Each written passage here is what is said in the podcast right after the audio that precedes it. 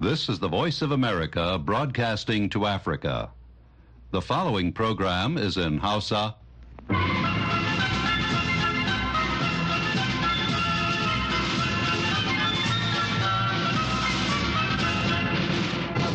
Sashen Hausa na muryar Amurka ke magana daga nan birnin Washington DC.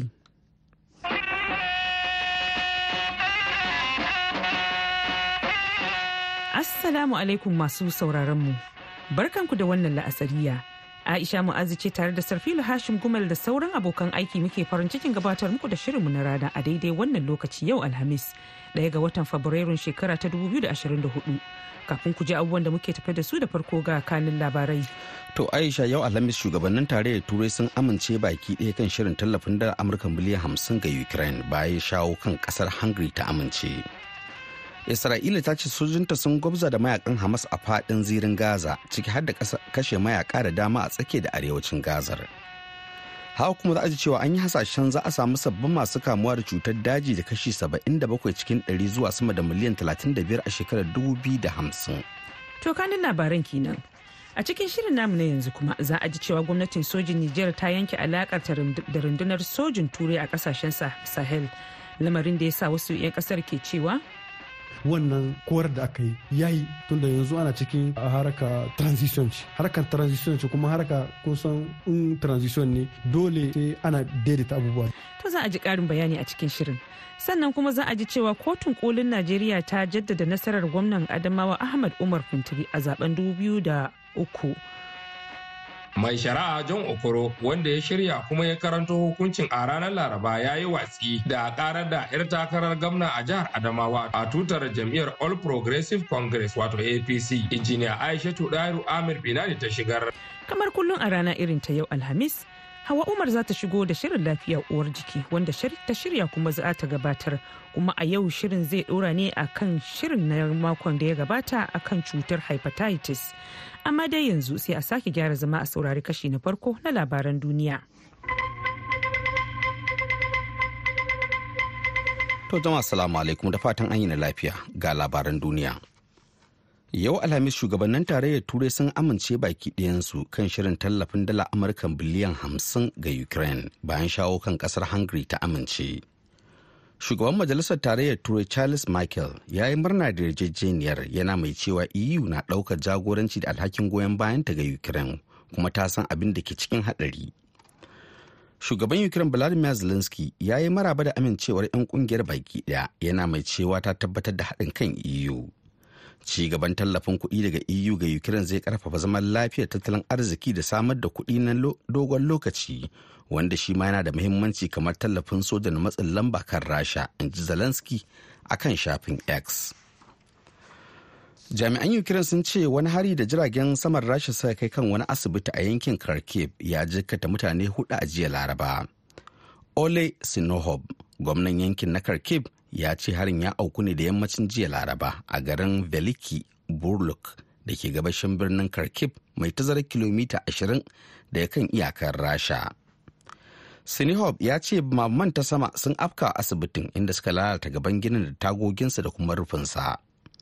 Ya kara da cewa mutane 38 ne a kwashe kuma ma'aikatan da majinyata sun samu lokacin ficewa bayan da suka samu sanarwa gargaɗi kafin afkawa ginin. Ma'aikatar tsaron rashi ta sanar da kakkaɓo jiragen saman ukraine marasa matuƙa guda biyar da yammacin jiya laraba. A ɗaya ɓangaren kuma yau alhamis isra'ila ta ce sojinta sun gwabza da mayaƙan hamas a faɗin zirin gaza ciki har da kashe mayaka da dama a tsake da arewacin gaza yayin da isra'ila ta kai farmaki kan wato kan yunus a kudancin yankin. An ci gaba da gwaza faɗan ne a daidai lokacin da masu shiga tsakanin na shirin tsagaita buɗe wuta da ke shirin yi na zaman jiran ci gaban da aka samu wajen cimma yarjejeniya tsakanin isra'ila da hamas da za ta kawo tsaiko na wani ɗan lokaci a yaƙin da kuma sakin fursunoni da hamas ke tsare da su a gaza. Shawarar ta fito ne daga tattaunawar da aka yi a birnin paris tsakanin jami'an amurka da isra'ila da qatar da kuma masar a farkon makon nan. Ana sa ran shugaban hamas ismail haniya zai je birnin alkahira domin tattaunawa kan shirin. Nan ba da jimawa ba filu zai dawo ya karanto mana sauran labaran amma kafin nan za mu buɗe taskar rahotanninmu daga jamhuriyar Nijar inda hukumomin mulkin sojin ƙasar suka yi wa sojojin rundunar zaman lafiya ta ƙungiyar tarayyar turai a sahel wato eu cap sahel da shugabanta a umarni ta fice daga ƙasar wannan mataki na gwamnatin Nijar na zuwa ne daidai sa'ad da waɗanda da suka baiwa dakarun ta fice daga ƙasar ya rage saura watanni huɗu. A wani ɓangaren kuma gwamnatin ta kori babban wakilin hukumar da ke kula da samar da abinci a Majalisar Ɗinkin Duniya a ƙasar.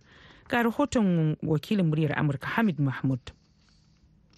A cikin wata wasiƙa ce da ministan cikin gida na ƙasar Nijar ya sayya wa hannu wace aike wa shugaban rundunar ekab sahel reshen ƙasar Nijar ya sanar da baiwa wasu sojojin rundunar su sha biyar kwanaki uku domin su fice daga cikin ƙasar ta Nijar bisa zargin su da shigowa cikin ƙasar ba bisa ka'ida ba kuma sun shigo ne ba tare da sun sanar da mahukunta ba. Alhali kuwa tun a watan Disamban shekarar ta gabata hukumar mulkin sojan a Nijar suka soke yarjejeniyar tsaro da ƙungiyar tarayyar Turai inda suka bata wa'adin watanni shida domin dakarun turan su fice daga cikin ƙasar Nijar baki ɗaya. Malam Musa Bilal yan ƙungiyar farar fulla ne da ke goyon bayan hukumomin ya yaba da matakin. Gwamnati ya kora ikaf sahel abin da gwamnati ya yi don me na ya yi suje in gwamnati ya shirya in suna iya dawowa ma sai su dawo a kara tattaunawa da su a yi rajajeniya da su a san me suke yi ikaf sahel kinnan kawo menene ma aikin su mahimmancin aikin su menene kamata Nigerian su ni a matsayina na society civil wannan korar da aka yi yayi tunda yanzu ana cikin haraka transition harkan transition ce kuma haraka kusan in transition ne dole sai ana daidaita abubuwa dole sai ana ana gyara abubuwa. Wannan mutane an kora su. Abin da muke so gwamnati in ma nan zuwa gaba sun so su dawo a zamna tare da su a tattauna a makon da ya gabata ne hukumar mulkin sojan ƙasar ta Nijar suka kori babban wakilin hukumar samar da abinci ta majalisar ɗinkin duniya a Nijar wanda aka tare shi a filin jirgin sama ne ya mai lokacin dawarsa daga tafiya inda suka bashi umarnin ficewa daga ƙasar nan take. To sai dai Abdulrahman Biyanu wani da ke fafutuka a Nijar ya ce akwai buƙatar gwamnatin ta musu bayani kan waɗannan matakai. Ba ita ba ce decision ta farko wadda shugabanninmu na soji suka ɗauka wadda Bremen ba mu samu kamar cikakken bayani ba bisa wai me yasa aka tsaye da wannan aikin nasu. In dai ana son taya ta yi kyau ya kamata su fito su rinka mana jawabi bisa duka wani hukunci da za su ɗauka zuwa ga wanga gari ko wanga gari. Sai dai kuma ba dukkan 'yan Nijar ne suka yaba da wannan matakin ba na korar rundunar ta Ikab Sahel yayin da aka samu rarrabuwar kawuna a tsakanin 'yan ƙasar ta Nijar. Sunana Idris Mohammed. Wannan mataki da gwamnati ta ɗauka mataki ne wanda ya kamata a ɗauka amma kamun a ɗauke shi a dibi miza ya haifar da. Wannan ba shi ba na fara ya kamata a ce kamun gwamnati ta ɗauki irin wa'annan matakan a yi taka tsantsa. Sunana Zabairu. Korasuwa a tunani na alheri ne saboda yau wurin shekara nawa suna cikin cikin ƙasar ga an kawo su saboda tsaro. Amma mu ba mu gane komi ba har yanzu dai ba a yi maganin komi ba. Suna nan suna aikin amma kamar ba a ya kamata a ce su kama mu saboda tsaro amma babu ci gaban da muka samu. Kungiyar tarayyar turai dai ta nuna rashin jin daɗin ta a game da matakin gwamnatin Nijar na korar sojojin rundunar ta Ekap Sahel duk da cewa wa'adin kammala ficewar rundunar bai cika ba. Hamid Mahmud murya Amurka daga Agadez jamhuriyar Nijar.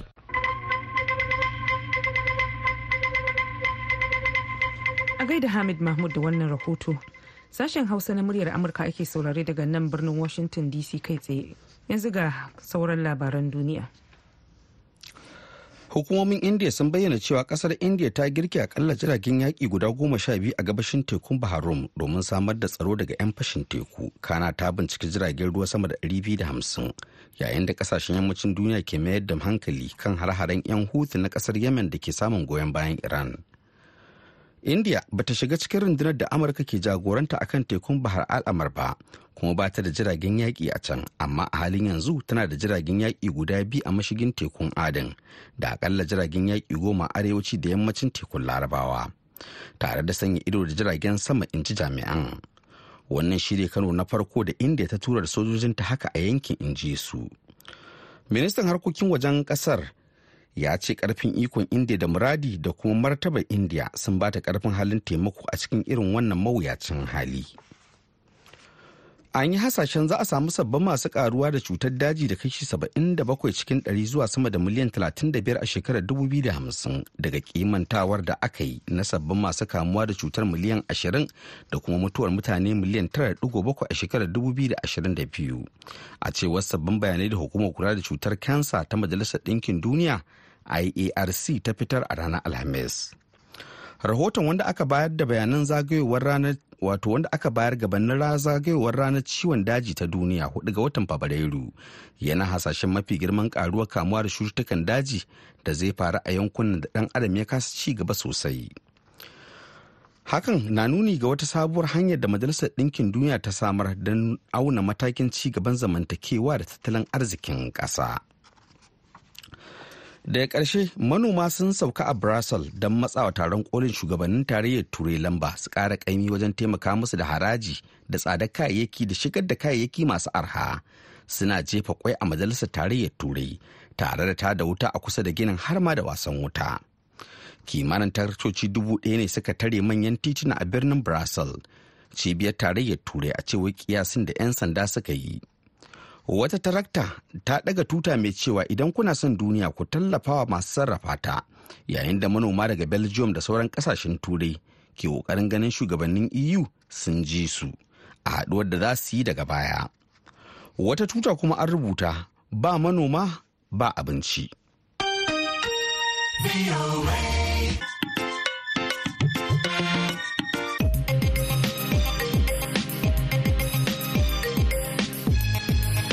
Safiru Hashim Gumel kenan ya karanto mana labaran duniya daga nan sashen Hausa na muryar Amurka a birnin Washington DC.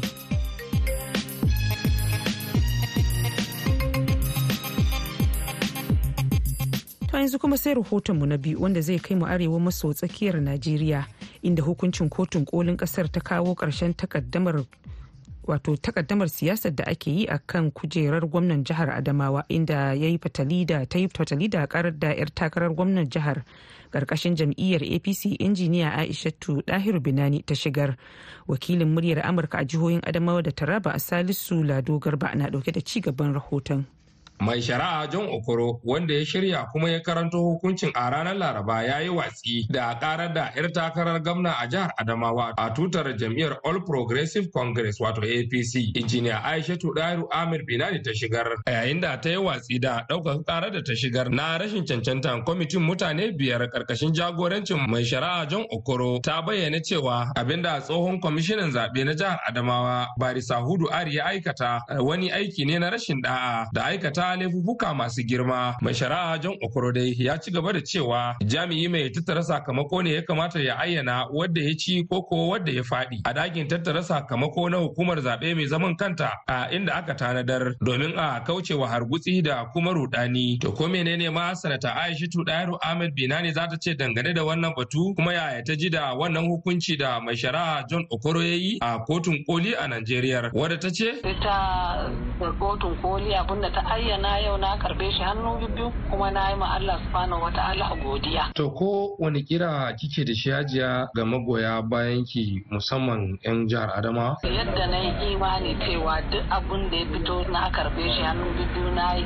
imani cewa su ma hakan din yadda yadda kotun koli ta yanke wannan hukunci su ma sun karɓa hannu biyu. A nasu ɓangaren jam'iyyar PDP kuwa a jihar Adamawa wadda kotun koli ta yana gamna Ahmadu Umaru Fintiri a matsayin wanda shine halartaccen zababben gwamnan jihar Adamawa cewa suka yi lallai ilahin wannan al'amari ya musu daɗi kuma suna kira ga magoya bayan jam'iyyun adawa a jihar Adamawan da zo su haɗa kai su dunkule a inuwa guda domin a kai ga jihar Adamawa gaba. Ta bakin mataimakiyar gwamnan jihar Adamawa Farfesa Kaleta Farauta wadda ta ce yanzu dai mun kai ga ƙarshen duk shari'a. Mu zo mu haɗa hannu domin mu katin gaba Adama State. Adama dai tamu ce ba mu da wata jiha fiye da Adama saboda haka ko da wace fati ka tsaya da ka yi zaɓe yanzu dai ga inda Allah ya kawo mu kuma Allah ne ke zaɓin shugabanni yanzu dai mu zo mu haɗa hannu kamar yadda 'yan uwa za su yi wa juna mu ka tallafi domin Adama ta samu cin gaba. Honorable Usman Mauludu wadda ke zama ɗaya daga cikin jigogin jami'ar APC a jihar Adamawan wadda ya ce. To alhamdulillah mun gode a Allah kuma muna ƙara gode a Allah kuma mun karɓi wannan insha Allah kuma in Allah yarda duk abun da za a yi muna nan a jihar Adamawa duk shawara da za a bayar na ci gaban jihar Adamawa kuma in Allah ya mun gan shi za mu don ba mu da inda ya fi jihar Adamawa. Allah ba mu sa'a Allah ya ciyar da jihar Adamawa da Najeriya gaba baki ɗaya. Su ma nasu ɓangaren jam'iyyar PDP a jihar Adamawa ta bakin sakataren tsare-tsare na jam'iyyar PDP a jihar Alhaji Hamza Madagali shi kuwa cewa yayi. Lallai mun yi farin ciki da wannan sakamakon abun da kotu a yi yau din domin dama nasarar mu yan Adamawa ne suka ba mu wannan nasara ta zabi wannan gwamnati sannan suka kai kara zuwa kotu. Wannan babban kotu ta zo ta tabbatar da abubuwan da wancan kotu ta yi gaba ɗaya. An tabbatar wa shi mai girma gwamna kujerai. To lallai wannan abu a matsayin mu jam'iyya mun yi farin ciki ƙwarai da gaske. A yanzu haka dai a jihar adamawan wasu na murna wasu kuma na cikin jimami tare da zulumi da tunanin cewar sun rasa dukkanin damammaki. Lado salisu garba muryar amurka daga adamawa a najeriya. A gaida lado. Kada a sha'afa sashen Hausa na muryar Amurka ake saurare daga nan birnin Washington DC akan mitoci 1625 da kuma 31. A jamhuriyar Nijar kuma za a iya sauraron mu a tashar VOA Africa mita 200.5 sannan a duk sa'ad da ake so ana iya zuwa shafinmu na yanar gizo a www.voahausa.com domin sauraron wannan shirin da ma waɗanda suka gabata. yanzu agogonmu a nan washington dc na cewa ƙarfe goma da minti goma sha biyar na safe ga shirinmu na gaba تو کے نام سے کہتا ہے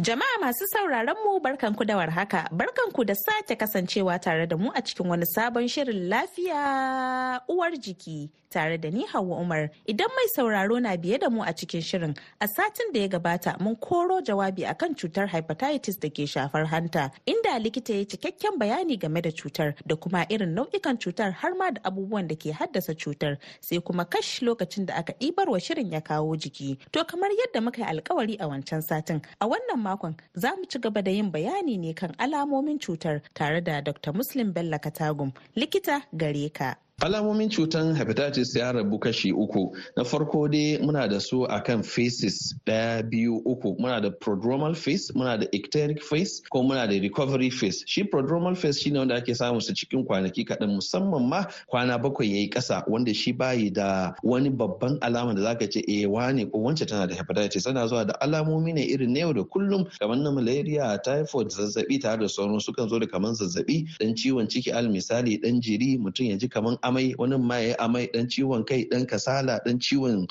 gaɓoɓi tare da sauran haka. Soka wanda bai tsananta a bincike ba ko kuma ba tsananta a tambayoyin da ya kamata wani abu shi clacking to ba za a taɓa sanin hepatitis ba ne. Wani sai maka maka maganin malaria ko na typhoid ko na ulcer ko na kaza ko na kaza ba tare da an riga da an san ashe hepatitis kake ko kuma kike ɗauke da shi ba. Sai sa yana da kyau likitoci yayin da aka samu mara lafiya zo da irin wayannan ba a ta yin gwaje-gwajen ba ba tambayoyin tare da tsanantawa a bincike da da shi kuma patient din ko shi mara lafiyan da ya zo ba da ansoshi shine yake taimaka mana gurin yaƙi ga irin wa'innan cututtuka na hepatitis tare da sauransu. Ecteric phase shine wanda yake zuwa da alama daga watan ecteric wato sai mutum ya fara samun kalan jikin shi wani sassa ya fara canzawa. Musamman a so a ce ido sai ga ya fara yin yellow tafin hannu ya fara yin yellow tafin kafa ya fara yin yellow. Wani in har ya muni ma har fatin jikin shi daga nesa kana gani kaga ya yellow sosai haka. Kana ganin shi ya bambanta da sauran mutane. Bayan wannan sai ka samu ana samun kumburi na ciki ciwon ciki ya ƙara yin tsanani mutum ya ji baya jin ko sha'awan cin abinci ko kuma yana fara cin abinci loma ɗaya biyu uku ya ji duk abincin ya riga da ya ishe shi tare da fitsari ya kasance ya yellow yellow din ma very very dark saboda wani abu shi conjugated slash unconjugated bilirubin tare wani abu shi urobilinogen wanda suke fita ta koda wanda mutum ya fitsarin su a madadin ya kasance cewa sun tsaya ta gurin hantar da sauransu su ƙara yin yawa tare da waɗansu sinadarai wani shi alanin da kuma aspartate aminotransferosis wanda shine ALT da kuma AST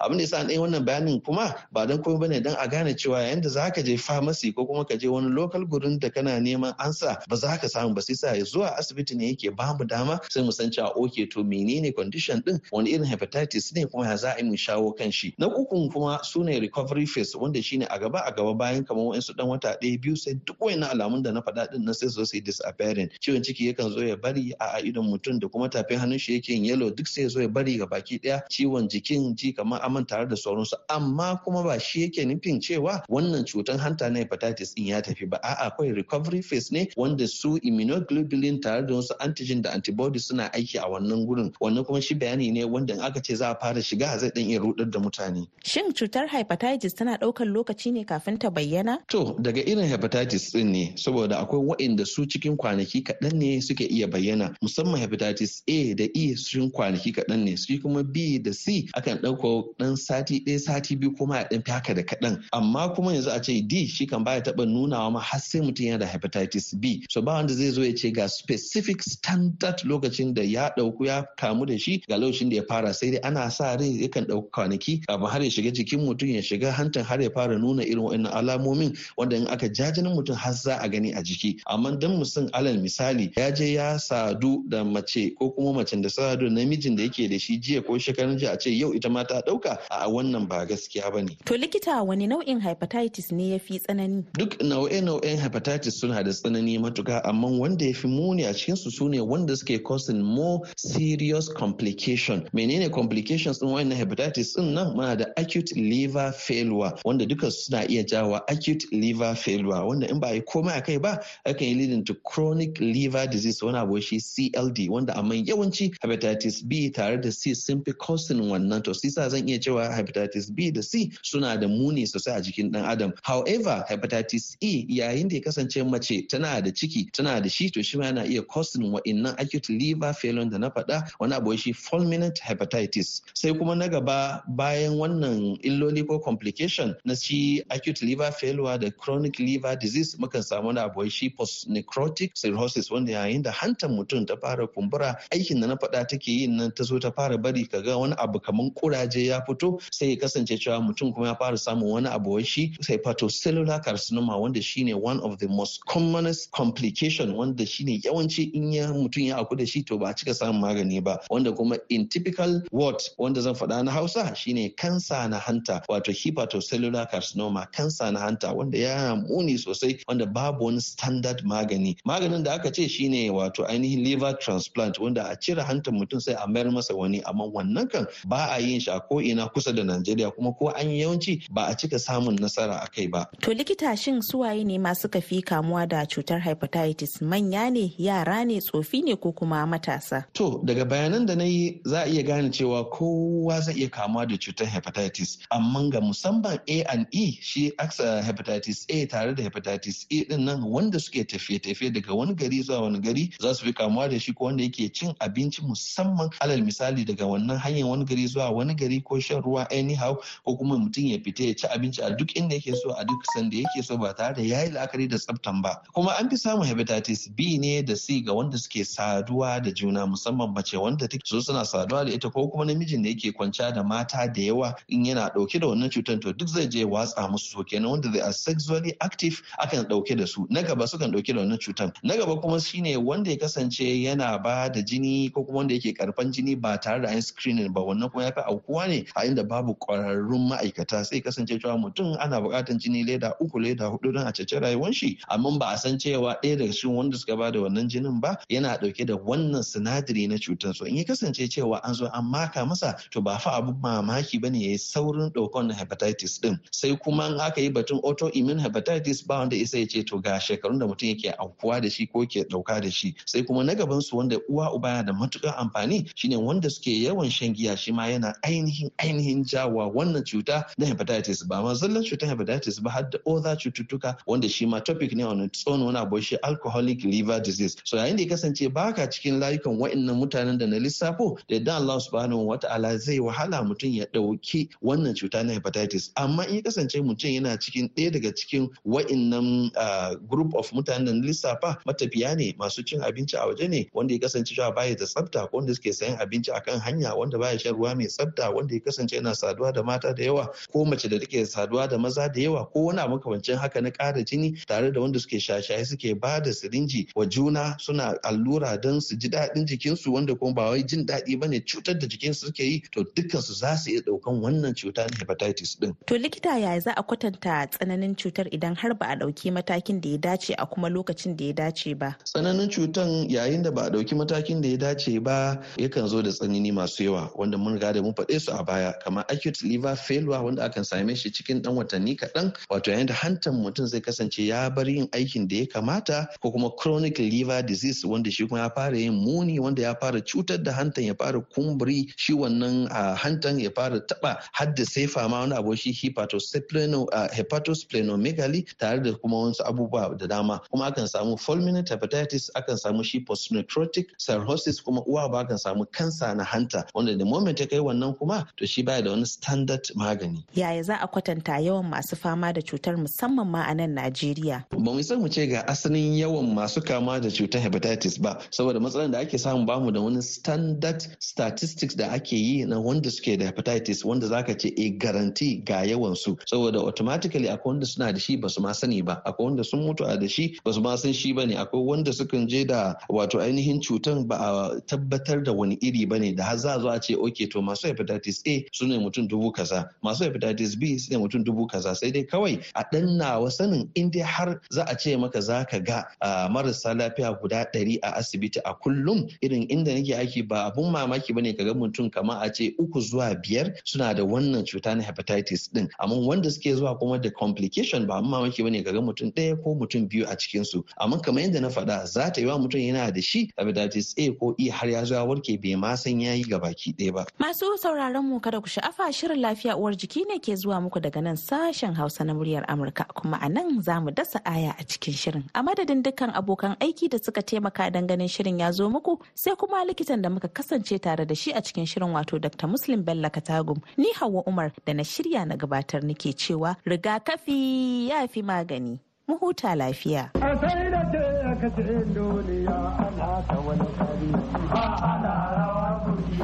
A gaida Hauwa Kulu to da wannan ne kuma muka kai ga shirinmu na ƙarshe wato labarai amma a taƙaice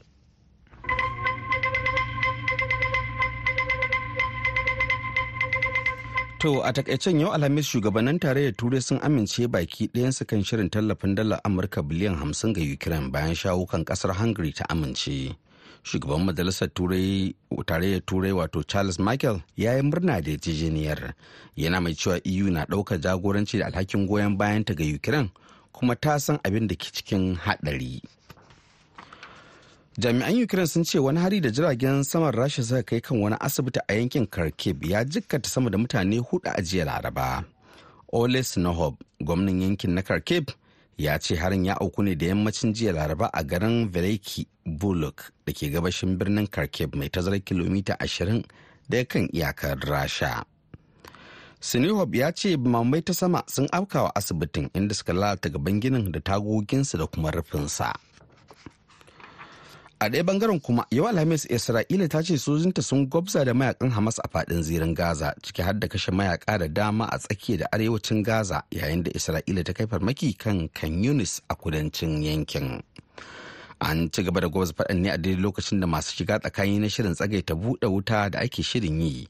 Na zaman jiran jin ci gaban da aka samu wajen cimma yarjejeniya tsakanin isra'ila da hamas da za ta kawo tsaiko na wani ɗan lokaci a yaƙin da kuma sakin fursunoni da Hamas ke riƙe da su a Gaza. Hukumomin India sun bayyana cewa ƙasar India ta girke akalla jiragen yaƙi guda goma sha biyu a ƙarƙashin tekun Baharum.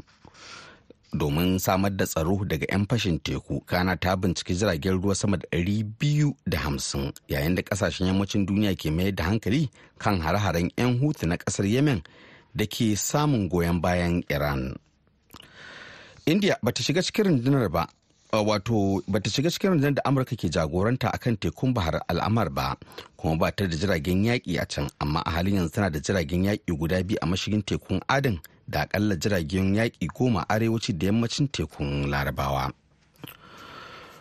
An yi hasashen za a samu sabbin masu kamuwa da cutar daji da kashi 77 cikin 100 zuwa sama da miliyan 35 a shekarar 2050 daga kimantawar da aka yi na sabbin masu kamuwa da cutar miliyan 20 da kuma mutuwar mutane miliyan 9.7 a shekarar 2022 a cewar sabbin bayanai da hukumar kula da cutar kansa ta majalisar ɗinkin duniya iarc ta fitar a ranar alhamis.